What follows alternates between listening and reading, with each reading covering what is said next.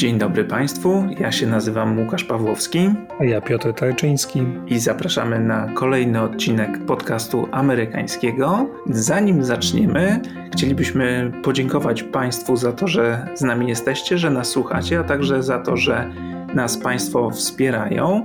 W tym ostatnim tygodniu dołączyło do naszych patronów kilka nowych osób i im chcieliśmy podziękować szczególnie. Są to Helena, Dominika, Grzegorz i Bartosz, Kasia oraz Dariusz. Bardzo serdecznie Państwu dziękujemy. Mm, a teraz już e, przechodzimy do nowego tematu, nowego odcinka i dzisiaj porozmawiamy o Facebooku. Jak Państwo zapewne wiecie, jak pewnie się zorientowaliście, jak powiem wszyscy, mm, Facebook ma ostatnio problemy. Nie mówimy nawet tylko o tym, co się wydarzyło 4 października w poniedziałek, kiedy na jakieś 6 godzin przestały działać Facebook i należące do Facebooka Instagram i WhatsApp. Mm, bo na pewno Państwo tego doświadczyli, wszyscyśmy odczuwali tego skutki. I tak, z jednej strony pojawił się wtedy taki entuzjazm wśród części znajomych, ja to przynajmniej zobaczyłem, pod tytułem Ach, no nareszcie wyłącz komórkę, żyj prawdziwym życiem i tak dalej. Ale to jest trochę błędne myślenie. Jeśli ktoś uważa, że tylko po to są media społecznościowe, no to, to zazdroszczę, dlatego że prawie 3 miliardy ludzi, którzy używają narzędzi z rodziny Facebooka, używają ich nie tylko do połączenia z przyjaciółmi i rodziną, jak reklamuje się Facebook i chciałby uważać, że to jest, czy twierdzi, że to jest jedyna rzecz, do czego się Facebook y, nadaje, do, do czego należy go stosować, są kraje, w których Facebook jest po prostu synonimem internetu. Mm, handel w Afryce, małe gazety w Meksyku, których nie stać na publikowanie wersji papierowych, publikują nowe teksty e, na Facebooku, bo tak jest taniej. Komunikacja w wielu krajach, w Indiach, Brazylii czy Iranie właściwie opiera się na, mm, na WhatsAppie. E, są miejsca, gdzie nie ma zasięgu tej sieci telefonicznej, ale da się porozumieć przez internet.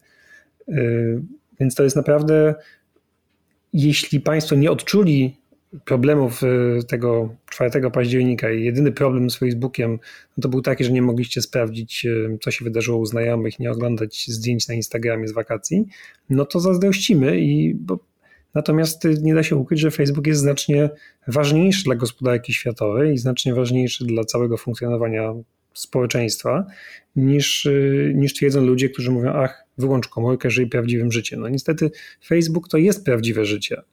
Czy tego chcemy, czy nie. Ale to wyłączenie na kilka godzin mm, to był tylko jeden z problemów, z jakimi się Facebook e, mierzy, i nawet te 6 miliardów e, dolarów straty, jak obliczano, jakie odniósł Facebook, to w sumie niewiele w porównaniu z tym, co dzieje się już od kilku tygodni, czyli E, w porównaniu z serią artykułów opartych na dokumentach i informacjach wyniesionych przez sygnalistkę z samej firmy. E, I te teksty e, oparte na owych dokumentach zaczęły się po raz pierwszy ukazywać w Wall Street Journal, a niedawno owa sygnalistka Frances Hogan E, pojawiła się także w, przed kongresem i zaczęła udzielać wywiadów także innym mediom, między innymi pojawiła się w programie 60 Minutes. E, I rzeczy, które mówi, z jednej strony są dobrze znane, to znaczy pojawiały się już artykuły, całe książki na ten temat, zarówno analityków zewnętrznych, jak i osób niegdyś w Facebooku zatrudnionych, ale różnica polega obecnie na tym, że są one podparte dokumentami, mm, setkami czy nawet tysiącami stron dokumentów, które e, owa sygnalistka wyniosła z samej firmy. Tak, Hogan pracowała w Facebooku od czerwca 2019 roku do kwietnia y, roku bieżącego i była, co też bardzo ważne, odpowiedzialna za walkę z dezinformacją, z fake newsami, ale zrezygnowała, widząc pewną y, no, zbędność tego, co robi, tego jak, y, jak Facebook próbuje bo udaje, że walczy z dezinformacją i fake newsami, ale ostatni miesiąc w pracy została dłużej właśnie po to, żeby zebrać te materiały, które opublikował m.in. Wall Street Journal. No i co takiego Frances Hogan ujawniła?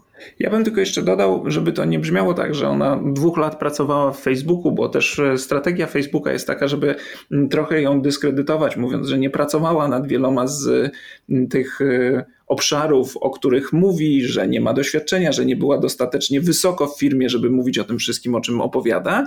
No, warto dodać, że to nie była jej pierwsza praca, że ona wcześniej pracowała między innymi dla Google, pracowała dla Pinterest.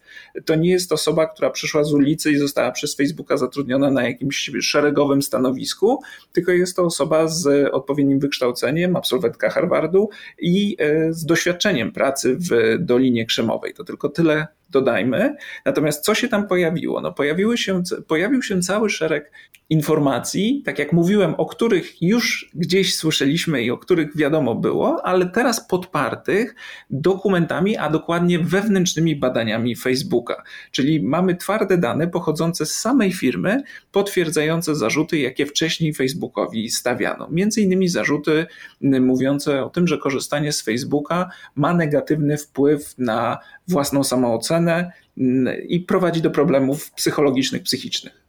Tutaj zwłaszcza winny jest Instagram, który promuje nierealistyczne oczekiwania, pogarsza samoocenę nastolatków, problemy emocjonalne tutaj. I znowu to wewnętrzny raport firmy Facebook y, wyraźnie to stwierdził.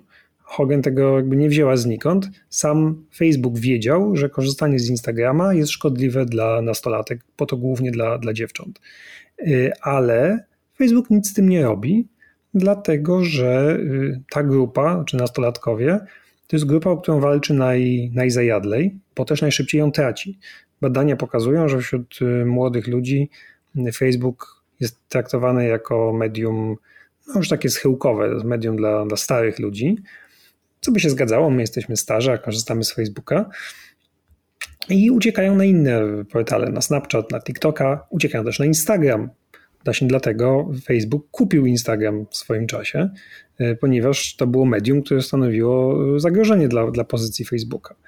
I, e, no i ten Instagram nie jest może dobry dla dzieci, może nie jest dobry dla nastolatków, ale Facebookowi to nie przeszkadza, ponieważ to przynosi zyski. Co więcej, to są też rzeczy, które, e, które wyszły niedawno. Planował jakby poszerzenie oferty dla nie tylko dla nastolatków, ale nawet dla młodszych niż nastolatków planowano uruchomić Messengera dla dzieci oraz Instagram Kids dla użytkowników poniżej 13 roku życia. Ale kiedy to się okazało, to oburzenie było tak wielkie, mm, no, że Facebook wyciąga, mówimy Facebook, ale mam na myśli firmę Facebook, do której należy również Instagram. Tutaj jeszcze dodatkowo wyjaśniam, ale oburzenie było takie na Facebooka, że jakby ten projekt chwilowo został zawieszony, ale to ewidentnie pokazuje, że mm, Facebook boi się utraty mm, użytkowników boi się szczególnie utraty użytkowników młodych i nie, nie przejmuje się tym, że może jest szkodliwym medium dla nich. A żeby podać e, konkrety, te, w tych dokumentach czytamy, że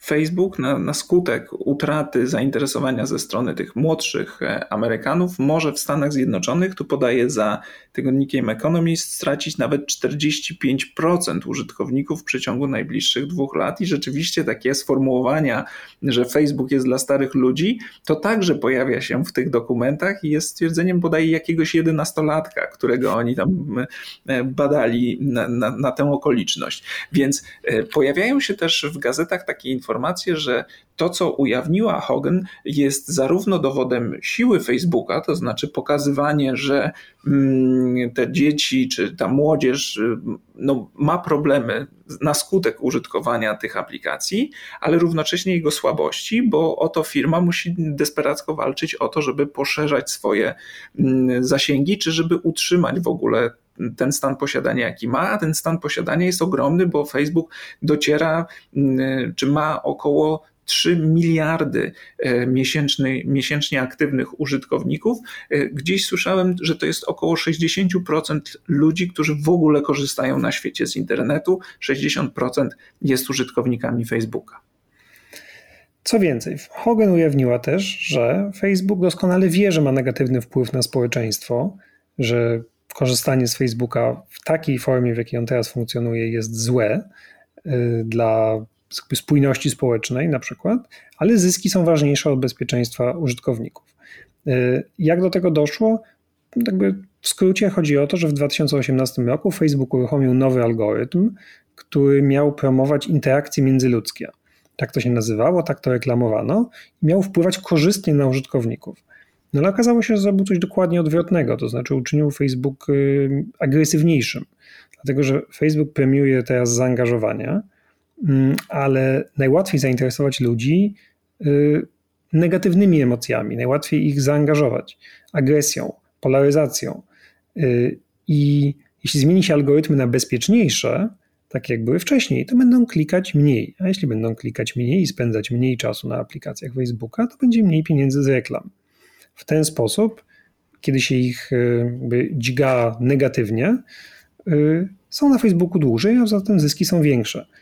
To jest bardzo prosta zależność, ale Hogan znowu udowodniła, że Facebook doskonale zna problem, ale po prostu nic z tym nie robi, a przynajmniej nie robi niewiele, mm, bo zyski. Zyski po prostu są większe w sytuacji, w której Facebook jest y, miejscem negatywnych emocji, miejscem, w którym ludzie się ze sobą bardziej kłócą i się atakują, niż, y, niż kiedy są wobec siebie milsi i no tak, tutaj chyba warto jeszcze dodać, może dla części ze słuchaczy rzecz oczywistą, czyli odpowiedź na pytanie, na czym Facebook zarabia. No, Facebook zarabia na naszej uwadze, na naszym czasie, który poświęcamy na, na stronie, podobnie zresztą jak inne aplikacje czy inne media społecznościowe, czyli czas to jest jedna z rzeczy, którą płacimy. Drugą e, rzeczą są oczywiście dane, czyli spędzając ten czas, klikając mm, w określone informacje, czy dzieląc się nimi, czy jakoś angażując się w mm, różne interakcje, dostarczamy danych, które później Facebookowi służą do tego, żeby lepiej e, czy Facebookowi, czy innym firmom, żeby lepiej i skuteczniej e, trafiać do nas z ofertami swoich produktów. E, kiedyś wspominaliśmy o tym w, mm, w podcaście czy w newsletterze. Jest takie pojęcie surveillance capitalism. Jak to jest tłumaczone na, na polskie? To jest kapitalizm inwigilacji. O tak to jest tłumaczone na polski i to jest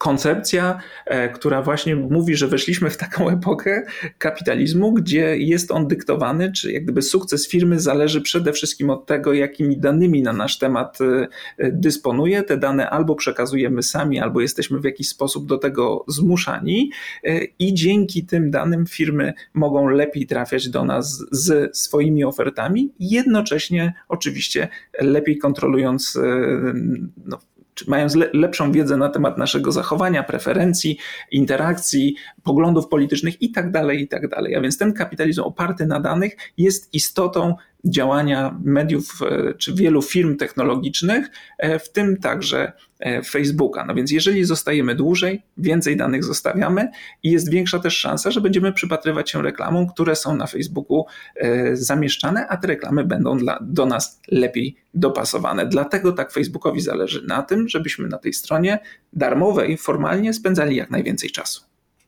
No tak, a jeśli skutkiem jest zwiększona agresja, jest mowa nienawiści, podżeganie do przemocy i tak dalej, no to Facebook, y, jak pokazuje Hogan, bierze to pod uwagę, ale uważa, że pozoruje działania w tej sprawie, ale niewiele robi. Z dokumentów przez nią ujawnionych wynika, że Facebook podjął działanie w sprawie zaledwie 3 do 5% całej mowy nienawiści, y, która się pojawia na Facebooku i niecałego 1% treści uznanych za przemoc i podżeganie do przemocy. To jest bardzo niewiele. Mm, z czego to wynika? Bo Facebook na to odpowiada wcale nie. Monitorujemy sytuację bardzo, bardzo ściśle i, i, walczymy. Mamy mnóstwo moderatorów.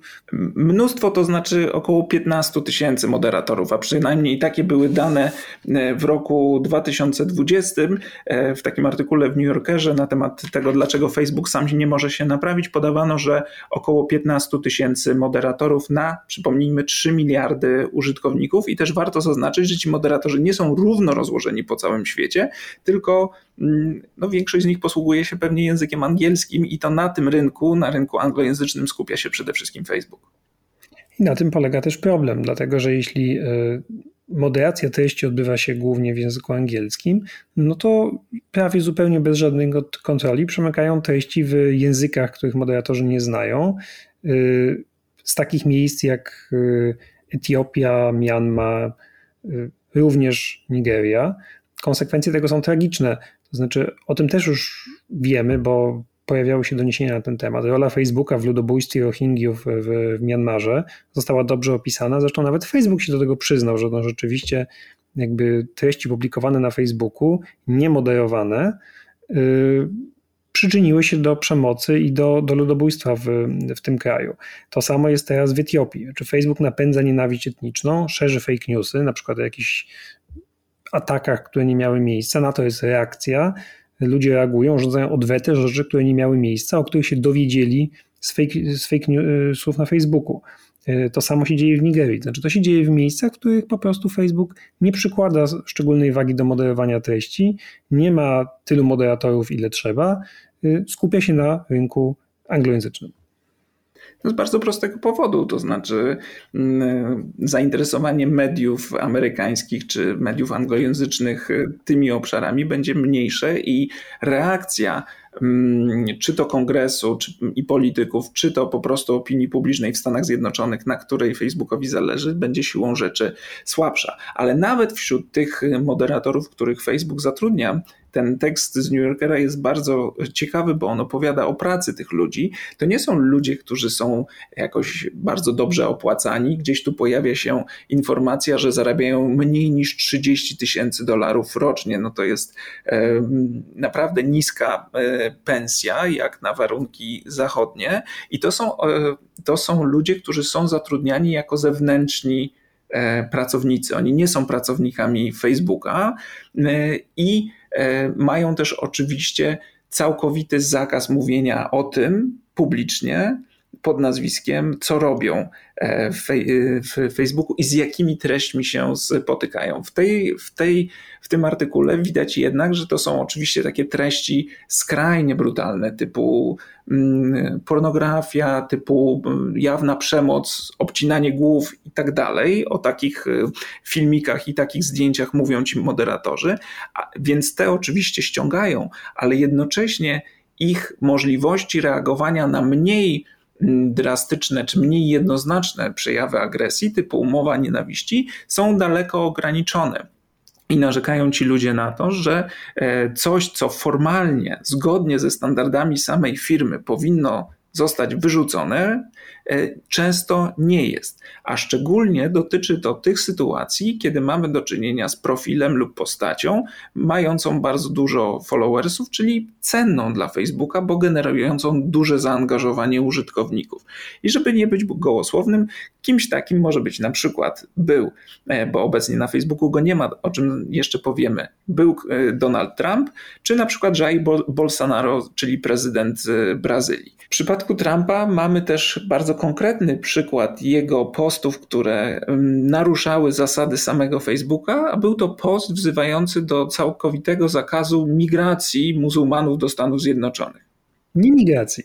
To był zakaz, y, nawet Trump wzywał do zakazu przyjazdu y, ludzi z krajów muzułmańskich, którzy na przykład w Stanach studiowali albo w Stanach mieszkają. Ten post stanowił jawne pogwałcenie zasad Facebooka, który, które zakazują stygmatyzowania całych grup społecznych, dehumanizacji itd., tak ale po wewnętrznych deliberacjach w, wśród kierownictwa Facebooka e, podjęto decyzję, żeby Trumpa nie ruszać, e, chociażby ze względu na to, żeby nie wywoływać e, wściekłości jego, jego sympatyków. I w prasie, w mediach, w reportażach na ten temat znajdziemy nawet konkretne nazwiska osób, które podjęły taką decyzję i przekonywały, żeby mm, ten post został pozostawiony, to był Joel Kaplan, czyli jeden z wiceszefów e, Facebooka, były mm, pracownik administracji George'a W. Busha, republikanin, zatrudniony właśnie po to, żeby te kontakty z republikanami mieć lepsze. Zresztą jak przyjrzymy sobie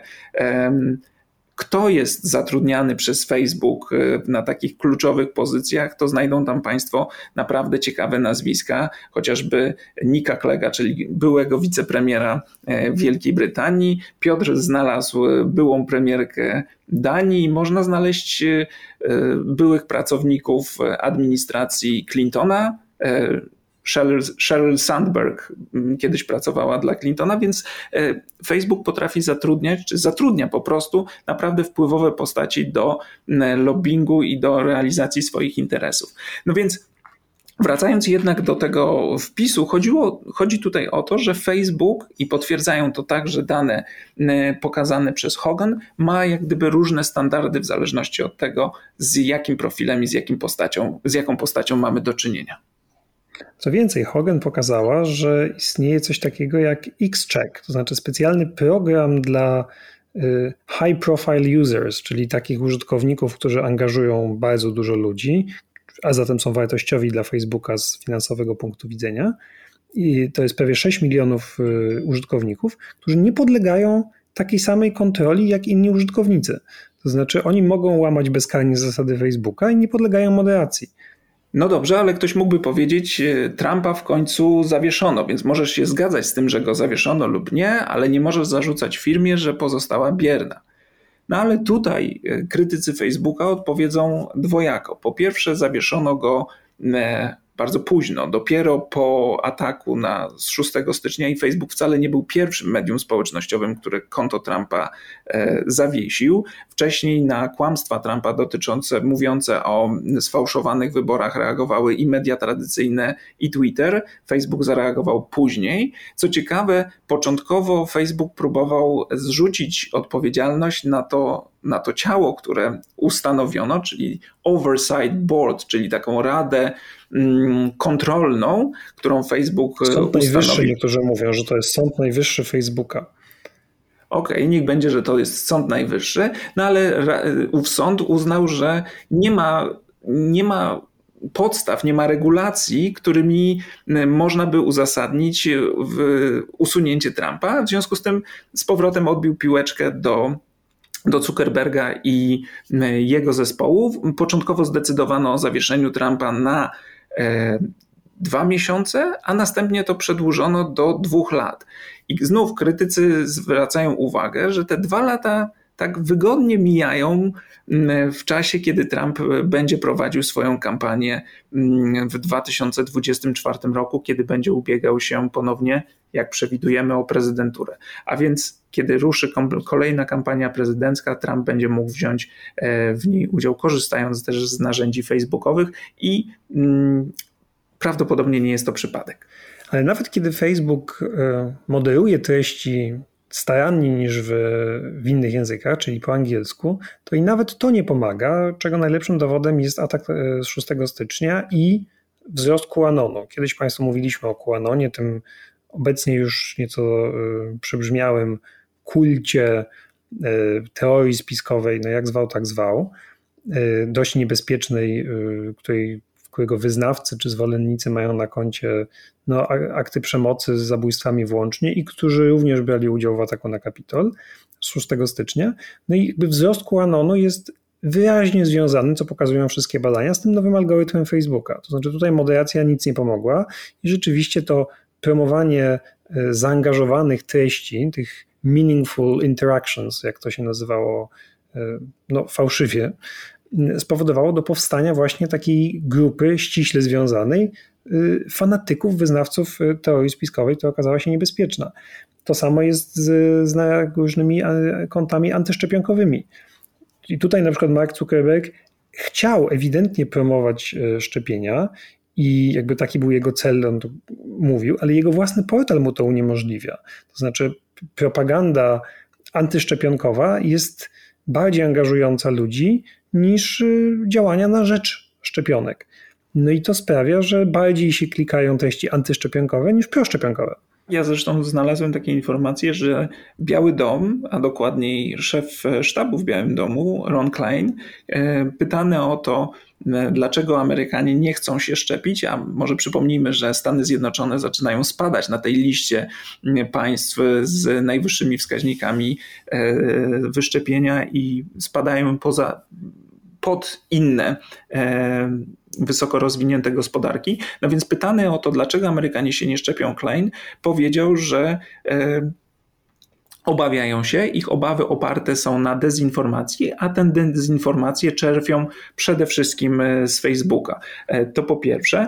Po drugie, jeszcze ciekawostka, Facebook wiedział o tym, jeżeli mówimy o wydarzeniach na Kapitolu z 6 stycznia, to w Facebooku dostrzegano zagrożenie z, z tym związane i dwie reporterki New York Timesa w takiej książce Ugly Truth, czyli brzydka prawda, nie wiem czy to niedobre tłumaczenie, ale e, robię to na bieżąco, e, twierdzą, że rozważano nawet w Facebooku, e, żeby Zuckerberg zadzwonił do Trumpa i próbował go przekonać, żeby podczas tego spotkania, podczas tego wiecu 6 stycznia, no nie wpływał na tłum w taki sposób, który może doprowadzić do wybuchu przemocy, bo na Facebooku czy w Facebooku wiedzieli, że do takiego wybuchu może dojść. Ostatecznie oczywiście z tego zrezygnowano, obawiając się, że gdyby ten telefon Zuckerberg wykonał, a do przemocy i tak by doszło, to byłby bezpośredni związek między firmą a, e, a tymi zamieszkami.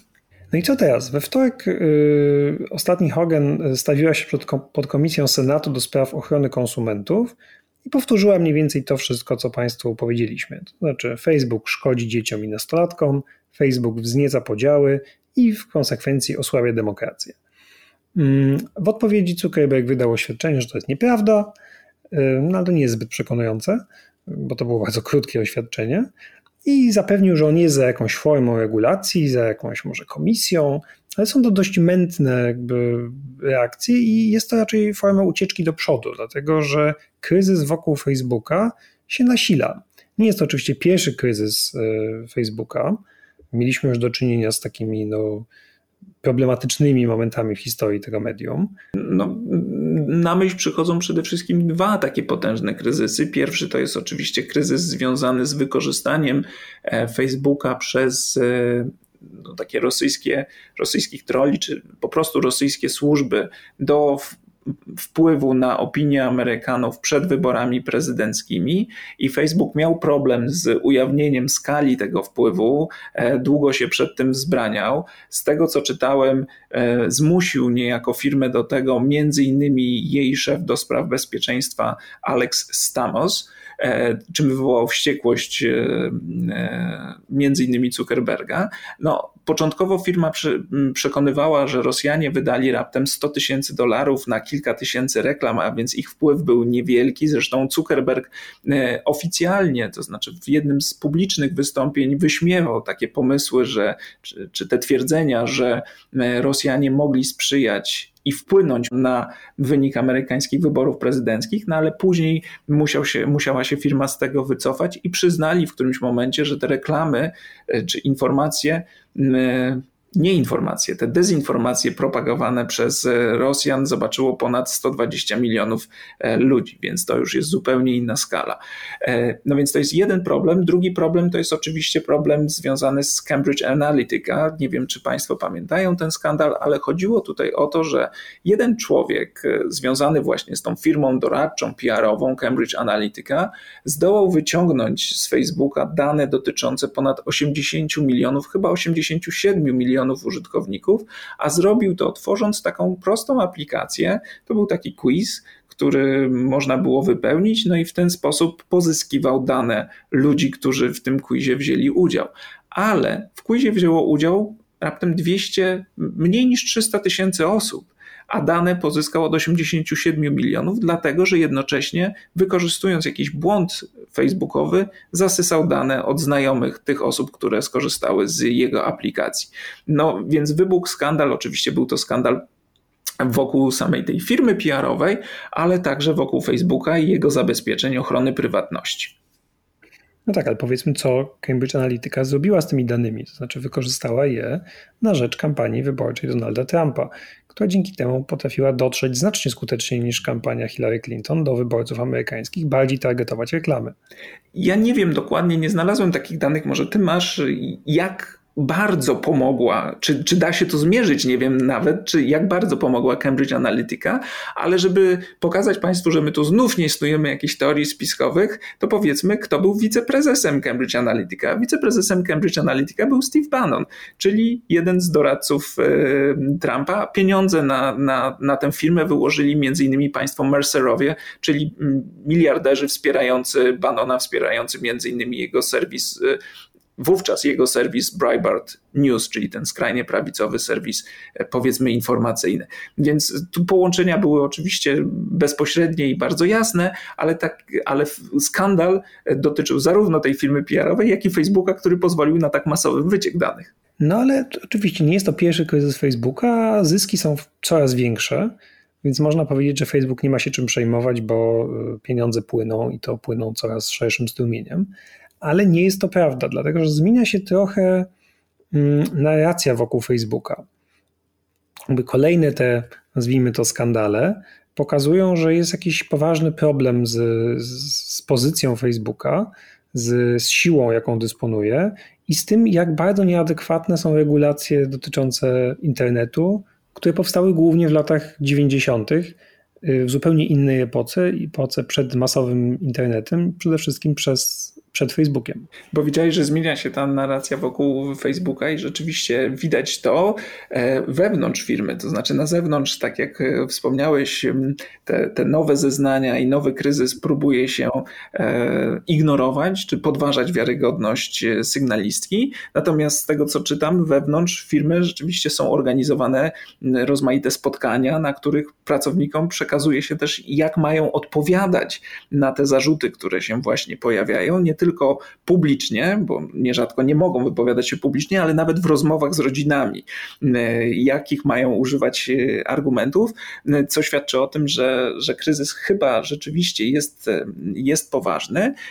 Kryzys jest poważny, dlatego że jak Państwu wielokrotnie mówiliśmy w, w, naszym podcaście, jakiekolwiek wspólne działanie demokratów i republikanów na jakikolwiek temat jest praktycznie niemożliwe. Podziały w Stanach Zjednoczonych do których Facebook się zresztą bardzo przyłożył, y, sprawiają, że amerykański rząd, amerykański system władzy jest no, dysfunkcjonalny. Tymczasem Facebook to jest jedna z naprawdę nielicznych rzeczy, która jest w stanie połączyć demokratów i republikanów. Znowu nie wszystkich demokratów i nie wszystkich republikanów, ale powstają wokół Facebooka najdziwniejsze sojusze. To znaczy, z jednej strony możemy, Państwo pamiętacie, Elizabeth Warren w czasie kampanii wyborczej, jako kiedy była kandydatką na kandydatkę demokratów, y, jako pierwsza postulowała podział Facebooka, znaczy działania antymonopolowe i rozbicie Facebooka na mniejsze firmy, no przede wszystkim wyodrębnienie z Facebooka, Instagrama i Whatsappa, tak jak kiedyś było, zanim Facebook je kupił. Z drugiej strony, zupełnie po drugiej stronie sceny politycznej mamy Josha Hawleya, czyli niesławnego senatora z Missouri, który również walczy z Facebookiem i z Googlem, jest zwolennikiem postępowań antytrustowych, jeszcze jako prokurator generalny swojego stanu. Te zeznania Hogan przed, y, przed komisją, przed tą podkomisją senacką, też spotkały się, bardzo zaskakująco i to jest bardzo rzadkie, z pochwałą polityków z obu partii. To znaczy bardzo pozytywnie o zeznaniach y, Hogan, o jej odwadze, o tym, jakie to jest ważne i tak dalej, wypowiadali się zarówno senator Blumenthal, szef podkomisji, demokrata, jak i senatorka Blackburn, która jest główną republikanką w tej komisji. To naprawdę nie jest częste, że politycy y, partii demokratycznej republikańskiej się w czymś zgadzają. Tymczasem rzeczywiście wokół Facebooka narasta przekonanie, że problem jest poważny i trzeba z tym coś zrobić. Zaczynają się porównania, y, których Facebook bardzo się boi, to znaczy z jednej strony do przemysłu tytoniowego na przykład. To jest porównanie, którego też użył senator Blumenthal. I jest ono tutaj na miejscu, bo e, przez lata przemysł tytoniowy również próbował torpedować jakiekolwiek ustawodawstwo chroniące konsumentów przed tymi produktami, czy ostrzegające raczej przed skutkami spożywania produktów tytoniowych, e, mimo że sam przemysł tytoniowy miał swoje badania potwierdzające szkodliwość swoich produktów. E, I tutaj w związku z tym to porównanie jest teraz tym bardziej adekwatne, że mamy badania z samego Facebooka pokazujące szkodliwość niektórych z ich produktów, czyli wiemy, że firma wie. I to jest niezłe porównanie, choć niektórzy zwracają uwagę, że nie do końca trafne, dlatego że o ile mm, przemysł tytoniowy no, nic dobrego nam nie daje, to znaczy produkty tytoniowe po prostu są szkodliwe y, i, i nie da się tego, no, w żaden sposób korzystnie na nas nie wpływają, o tyle Facebook może służyć jakiemuś społecznemu dobru, to znaczy rzeczywiście pozwala się ludziom komunikować. Wspominałeś o tym na początku, że w niektórych miejscach e, no, stanowi taką bramę do internetu dla, dla wielu ludzi i może służyć pozytywnym celom. E, o tyle, jeżeli jest niekontrolowany, to służy temu, o czym wspominaliśmy wcześniej. Wiesz, ja nie palę, ale ktoś ci może powiedzieć, że przemysł tytoniowy daje pozytywne rzeczy, daje miejsca pracy, tak jak Facebook. Wszystkie takie analogie są oczywiście zawsze jakoś tam e, nie do końca trafne, ale rzeczywiście sam fakt, że Facebook, dokładnie tak samo jak y, przemysł tytoniowy w latach od lat 60., wie, że jest toksyczny i ma wewnętrzne raporty na ten temat i niewiele z tym robi. Są też porównania do cukru, tak? To też gdzieś znalazłeś, że to jest jak spożywanie cukru. Znaczy cukier nie jest w nadmiarze, może być przyjemny, ale w nadmiarze jest szkodliwy albo szerzej jak spożywanie niezdrowej żywności, bo jeden z kontrargumentów e, Facebooka, czy ludzi pracujących dla Facebooka mówi tyle, że jeżeli nie chcesz, to nie używaj. Po prostu wyłącz, wyloguj się, e, nikt cię do tego nie zmusza. No ale tutaj to porównanie do niezdrowej żywności jest e, moim zdaniem dość trafne. To znaczy, jeżeli masz w okolicy czy w swoim sklepie, w sklepach dookoła tylko niezdrową żywność i musisz pojechać kilkanaście czy kilkadziesiąt kilometrów, żeby kupić sobie warzywa i owoce, no to teoretycznie możesz to zrobić, no ale cały system czy struktura tego systemu skłania cię do tego, żeby jednak jeść niezdrową żywność i podobnie jest z Facebookiem. Jeżeli nie masz alternatywy, a korzystanie z mediów społecznościowych, komunikacja staje się mm, koniecznością w pewnym sensie dla wielu osób, e, no to będziesz korzystał z tego, co masz, czyli krótko mówiąc, jadł niezdrowo, bo coś, bo, bo korzystać z mediów społecznościowych musisz. No tak, już bawimy się w te analogie, to z tytoniem też tak trochę jest. Nikt cię nie zmusza do palenia, ale nawet jeśli sam nie palisz, to jesteś biernym palaczem albo w twojej okolicy i wśród twojej rodziny są palacze i konsekwencje zdrowotne są też konsekwencjami, które wpływają na ciebie. Jak ktoś z twojej rodziny zachoruje na raka, no to jakby ty nie paliłeś, ale konsekwencje przemysłu tytoniowego odczuwasz. Przy czym najlepsza analogia wydaje mi się, i to jest rzeczywiście taka, której się Facebook najbardziej boi, to są porównania do wielkiego przemysłu naftowego sprzed, y, sprzed ponad 100 lat. Dlaczego? Bo jednym z pomysłów na walkę z monopolem Facebooka, mm, pytanie, czy Facebook rzeczywiście jest monopolem, czy nie, tutaj są rozbieżne zdania. Ja skłaniam się do tego, że, że jest. Mm, to jest rozbijanie monopoli. Dlatego, że Stany Zjednoczone mają takie prawo, które powstało pod koniec XIX y, wieku, w 1890 roku. Y, to jest antytrustowa ustawa Shermana. Mm, I ona miała właśnie rozbijać trusty, jak się wtedy nazywało czyli monopole. Jednym z takich monopoli był monopol naftowy. Y, firma Standard Oil, należąca do Rockefellera, wówczas najbogatszego człowieka na świecie i rzeczywiście tak bogatego, jak y, nie jest bogaty ani Bezos, ani Zuckerberg, ani Elon Musk. Szacuje się, że John Rockefeller w szczytowym okresie mm, był y, wart jakieś 250 miliardów dolarów. Był oczywiście najbogatszy Amerykanin w historii. I Standard Oil miał 70% rynku na paliwo w całych Stanach. I e, wcześniej rozbijano inne monopole, na przykład monopol kolejowy, ale rzeczywiście ten Standard Oil, ta ośmiornica Standard Oil była, była kolosalna.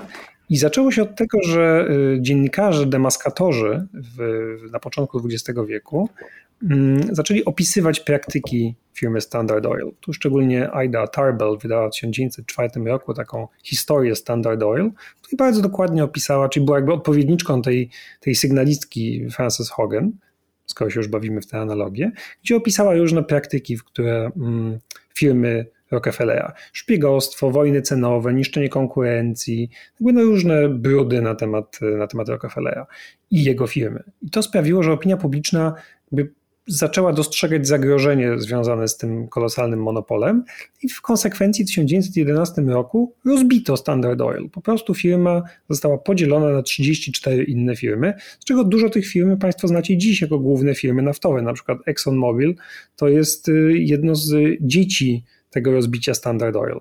To były dwie firmy, które ostatecznie potem się znowu połączyły, ale tych 34 firmy y, powstały z podziału, z podziału Standard Oil. W związku z tym Y, rozbijanie trustów w amerykańskim prawie istnieje, jest stosowane. To nie jest częsta praktyka, to nie zdarza się często, też rzadko są, pojawiają się aż tak potężne monopole, ale to nie jest też tak, że to są narzędzia sprzed 100 lat, bo w 1982 roku na przykład rozbito AT&T, czyli największą firmę telekomunikacyjną kraju, która też miała kolosalne mm, wpływy i była najpotężniejszą firmą telekomunikacyjną na świecie.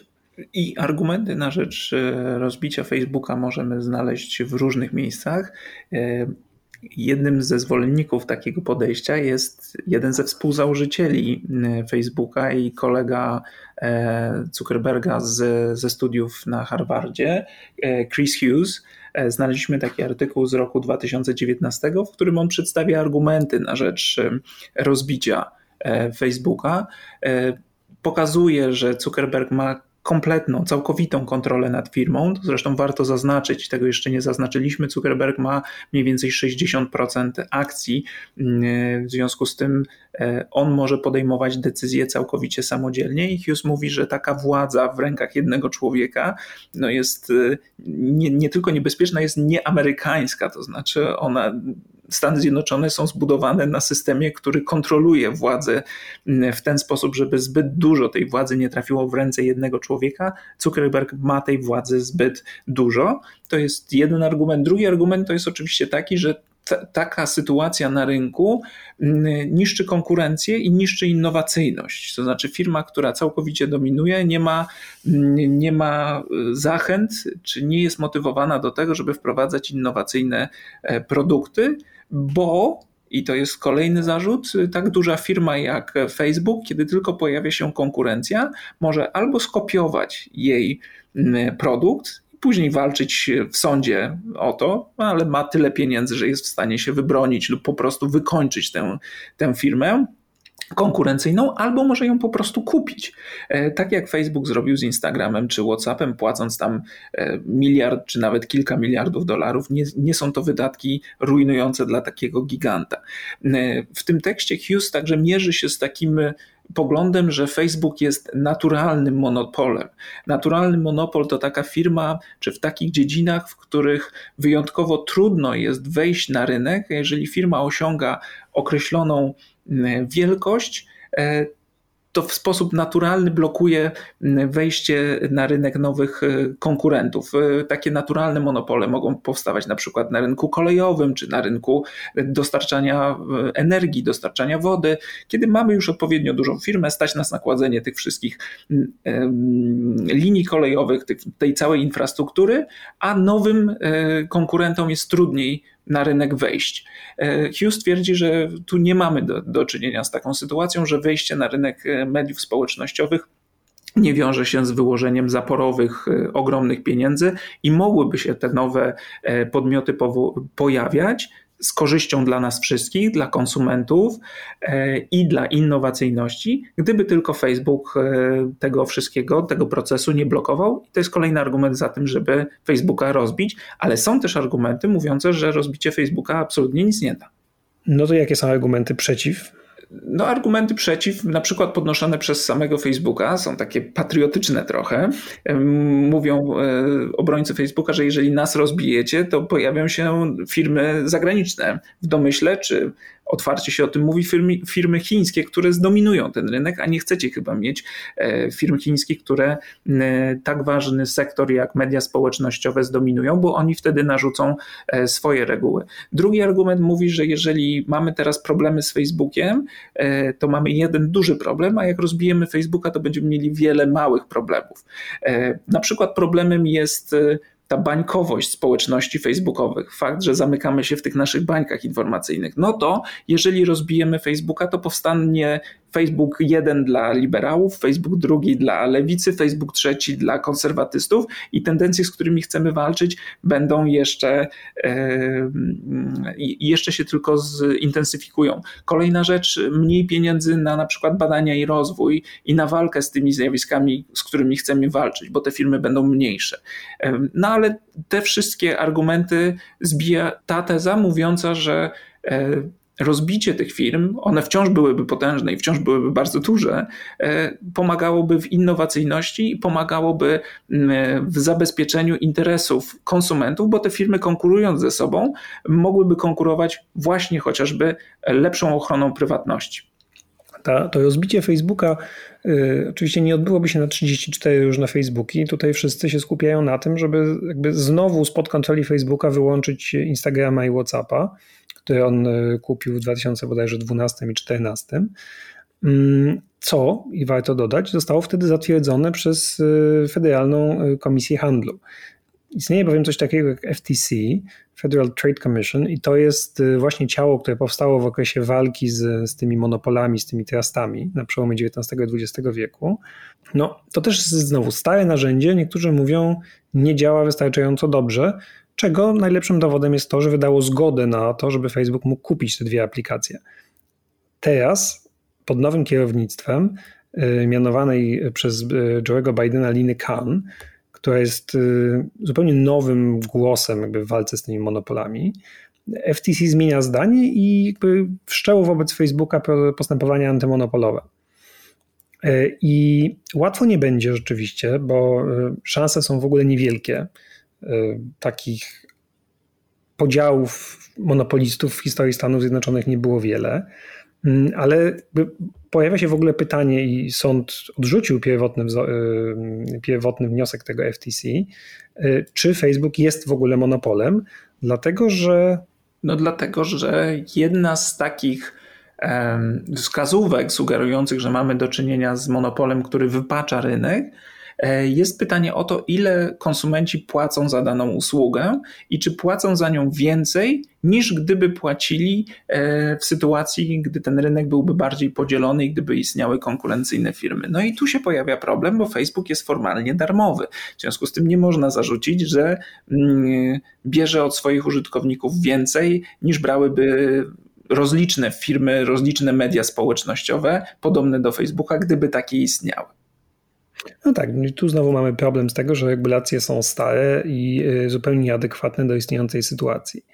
Ale jeśli nie podział, to przynajmniej wzmożenie jakiejś kontroli. Tu oczywiście pojawia się wtedy narracja wolności w internecie, która jest bardzo korzystna dla Facebooka i innych takich technokorpów. Y, ona się odwołuje do takich, y, takiego myślenia, które pamiętamy z czasów no mogę powiedzieć, naszej młodości, to znaczy, że internet to będzie taka utopia, gdzie wszyscy będziemy bez żadnej kontroli wymieniać się informacjami, zapanuje na świecie harmonia i porządek i, i braterska miłość. Y, I jakiekolwiek próby kontrolowania internetu są z natury złe, ponieważ ograniczają naszą wolność. No tak, tak można oczywiście myśleć, jeśli człowiek nie obserwuje tego, co się dzieje w, w ostatnich latach i, i, widzi Facebook wyłącznie tak, jak chciałby Facebook się przedstawiać, jako no właśnie taką neutralną platformę wymiany myśli i nie wiem, kontaktów międzyludzkich. No ale doskonale wiemy, że jest to po prostu monopol albo oligopol, który unika podatków, to w ogóle wszystkie technokorpy mają, to, mają tę przykrą cechę, handlują naszymi danymi, nie dbają o koszta społeczne. To, jest, y, to nie jest ta utopijna wizja internetu, więc ta wolność w internecie jest y, jasne, cenzura jest problemem, ale y, jakaś forma kontroli nad treściami, które zamieszcza się na Facebooku, byłaby konieczna. Tymczasem Facebook jest chroniony przez to prawo z 1996 roku.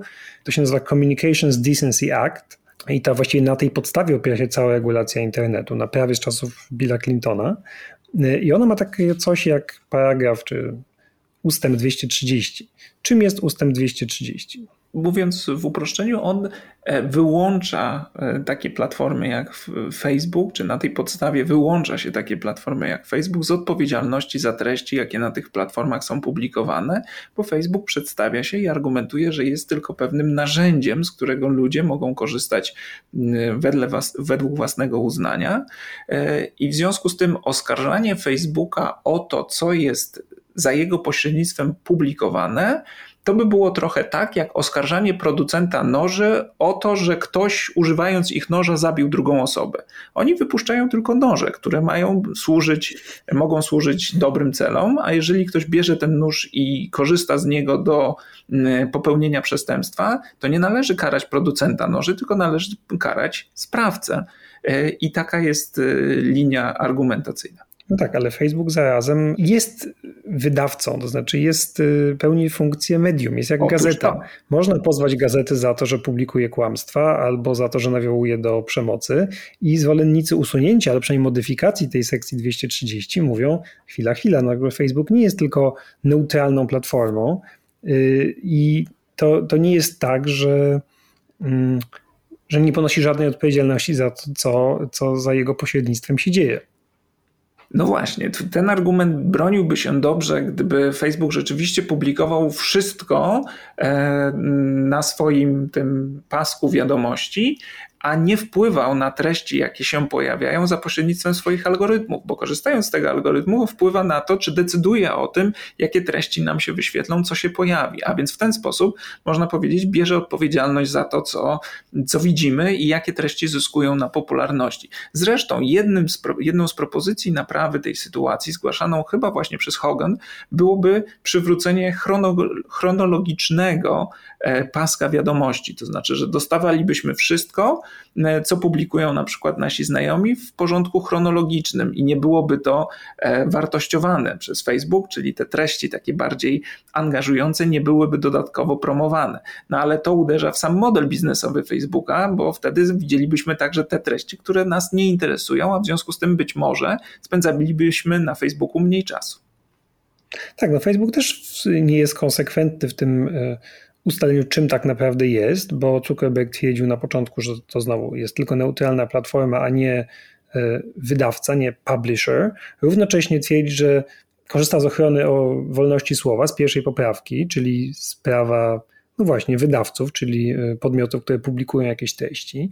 Sam mówi, że algorytmem sam wpływa na to, co jest publikowane. Zatrudnia własnych cenzorów, no bo tak to trzeba określić, moderatorów, Czyli tu jeszcze bardziej wpływa na to, co widzimy, do czego nie widzimy. Zresztą jednym z argumentów przeciwko zmianie tej sytuacji z, z tym paragrafem 230 no to jest taka, że Facebook mówi, że jeśli to zostanie usunięte, no to znaczy, że każdy będzie mógł pozywać Facebook za to, co tam się na tym Facebooku pokazało i będziemy musieli my jako Facebook zainwestować bardziej w cenzurę, żeby uniknąć pozwów, a zatem wolność słowa zostanie e, podważona. No, Facebook broni się także w ten sposób i to bardzo aktywnie. Zresztą, jeżeli ktoś korzysta z amerykańskich mediów, to mógł się natknąć na reklamy samego Facebooka. Na przykład Facebook sponsoruje taki podcast New York Times The Daily i tam słyszałem ich reklamy, w których oni domagają się wprowadzenia nowych regulacji mm, e, internetu i mówią o tym często, że my się chętnie dostosujemy, tylko niech kongres wprowadzi nowe regulacje, a my się już do nich zastosujemy. Nie zrzucajcie na nas odpowiedzialności. Tylko wydaje się, że, to, e, że, że też jest to pewien wybieg e, ze, ze strony Facebooka po to, żeby odsunąć też te inne propozycje, o których przed chwilą Państwu wspomnieliśmy, na przykład propozycje rozbicia, czy te zarzuty mówiące, że Facebook jako monopolista ma zbyt mocną pozycję na rynku i tłamsi potencjalną konkurencję. No więc y, stwierdzenie, dobrze, wprowadźcie nam jakieś regulacje, a my się zastosujemy, też nie jest do końca prawdziwe, bo to jeszcze jeden argument. Wiemy też skądinąd, że jeżeli wchodziły, czy były plany y, wprowadzenia regulacji, które uderzałyby w ten model biznesowy Facebooka, to Facebook lobował bardzo intensywnie przeciwko ich wprowadzeniu, a tak jak wspomnieliśmy, lobbystów ma rzeczywiście e, mocnych. Tak, bo Facebook w ogóle ma taką praktykę, w której e, reaguje naprawdę tylko wtedy, kiedy sprawa zrobi się naprawdę głośna, pojawia jakieś oburzenie w mediach, oczywiście mówimy o mediach amerykańskich, i to może zagrozić jego pozycji. I wtedy bardzo dużo odbywa się takich działań, które krytycy mówią są działaniami pozornymi, jak na przykład powołanie tej rady nadzorczej, tej, tego oversight board, tego sądu najwyższego, e, który rzekomo jest niezależny od Facebooka, no ale Facebook z drugiej strony płaci członkom tego, tej, tej rady, w związku z tym ta tutaj niezależność jest, jest wątpliwa. Teraz Facebook podobno planuje uruchomienie czegoś na kształt komisji wyborczej, to znaczy takiego kolejnego ciała, które miałoby doradać w sprawach politycznych, w sprawie dezinformacji. Ono ma być gotowe na wybory w połowie kadencji, czyli w przyszłym roku.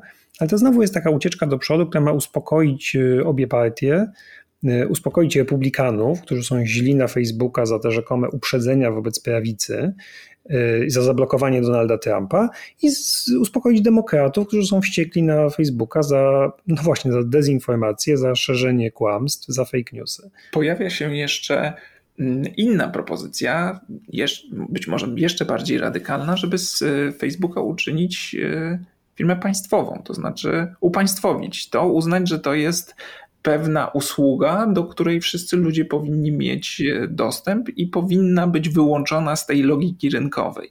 I na lewicy amerykańskiej znajdą Państwo taki argument, i znowu te zeznania Hogan dobrze się w ten argument wpisują, że problemem nie jest e, to czy inne rozwiązanie na Facebooku, że problemem nie jest nawet wielkość Facebooka, tylko że problemem jest logika, która stoi za tą firmą. To znaczy, firma musi zarabiać, musi generować zysk. Zresztą sam mm, Zuckerberg o tym mówił, że interesuje go tylko i wyłącznie e, dominacja na rynku, że kiedy się rośnie, to trzeba e, się zabezpieczać przed ewentualnymi konkurentami i tylko dominacja na rynku zapewnia pewien spokój. Nawiasem mówiąc, e, dziennikarze mówią, że jedna z takich mantr powtarzanych przez, przez Zuckerberga mówi e, company over country. Lubi to powtarzać, czyli że firma zawsze przed krajem. Czyli ma absolutnie dominować na rynku i interesy firmy stawiać ponad wszelkimi innymi. No i jeżeli model biznesowy Facebooka opiera się na przykuwaniu naszej uwagi i trzymaniu nas na tej stronie jak najdłużej się da, to póki ten ten mechanizm będzie stał u podstaw tej firmy, to nigdy ona się nie naprawi, bo nawet jak zmieni ten czy inny element algorytmu, to w końcu wróci do działań zmierzających do trzymania nas na swojej stronie jak najdłużej się da i zrobi wszystko, żeby ten cel osiągnąć, bo od tego celu zależy jej przetrwanie. A w związku z tym powinniśmy wyciągnąć ją z logiki rynkowej i uczynić z Facebooka firmę e, publiczną. No i co ty na taki pomysł? Zgadzasz się? Żeby Facebook był e, jak szkoła publiczna, żeby po prostu nie, po, albo jak jakaś biblioteka, żeby nie musiał się przejmować e, zyskami. Myślę, że to jest raczej porównanie do tego, żeby z Facebooka zrobić, nie wiem, jak sieć przesyłową energii elektrycznej albo kanalizację, czy, czy transport publiczny, czy coś, co jest potrzebne do pewnego funkcjonowania społeczeństwa, ale nie powinno się kierować, jak mówisz, e, logiką kapitalistyczną. Y, jak to w Stanach wygląda, to doskonale wiemy. To znaczy, y, te firmy, te public utilities i tak kierują się często logiką kapitalistyczną. Y, I tak zyski są konieczne. No i poza tym nie wiem za bardzo, jak to wprowadzić w przypadku firmy, która ma 3 miliardy użytkowników. Nie jest firmą amerykańską. To nie są autobusy w Los Angeles, tylko to jest firma, która obsługuje 3 miliardy ludzi na całym świecie. No więc w Stanach Zjednoczonych by się nie poddawała logice rynkowej, ale już na przykład w Indiach, tak? Nie bardzo wiem, jak to by miało dokładnie funkcjonować. I to jest argument za tym, że Facebook powinien zostać podzielony, dlatego że i o tym też warto przypominać, Amazon, Google, Apple, Microsoft i Facebook, czyli ta, ci giganci, te technokorpy, są, y, są naprawdę często bardziej przypominają państwa niż, y, niż firmy. To znaczy, to jest nawet Zuckerberg kiedyś powiedział, że pod wieloma względami Facebook jest bardziej y, państwem niż, niż firmą. To jest trochę tak, że one rzeczywiście są jak takie megakorpy z, z z, popkultury, znaczy z jakiegoś cyberpunka, z, z Aliena. To są rzeczywiście, niektóre zresztą nawet latają w kosmos, przypominam, więc to są już giganci, których w sumie wartość tej piątki, tej największej piątki technokorpów, to jest więcej niż gospodarka Niemiec. To byłaby czwarta gospodarka na świecie.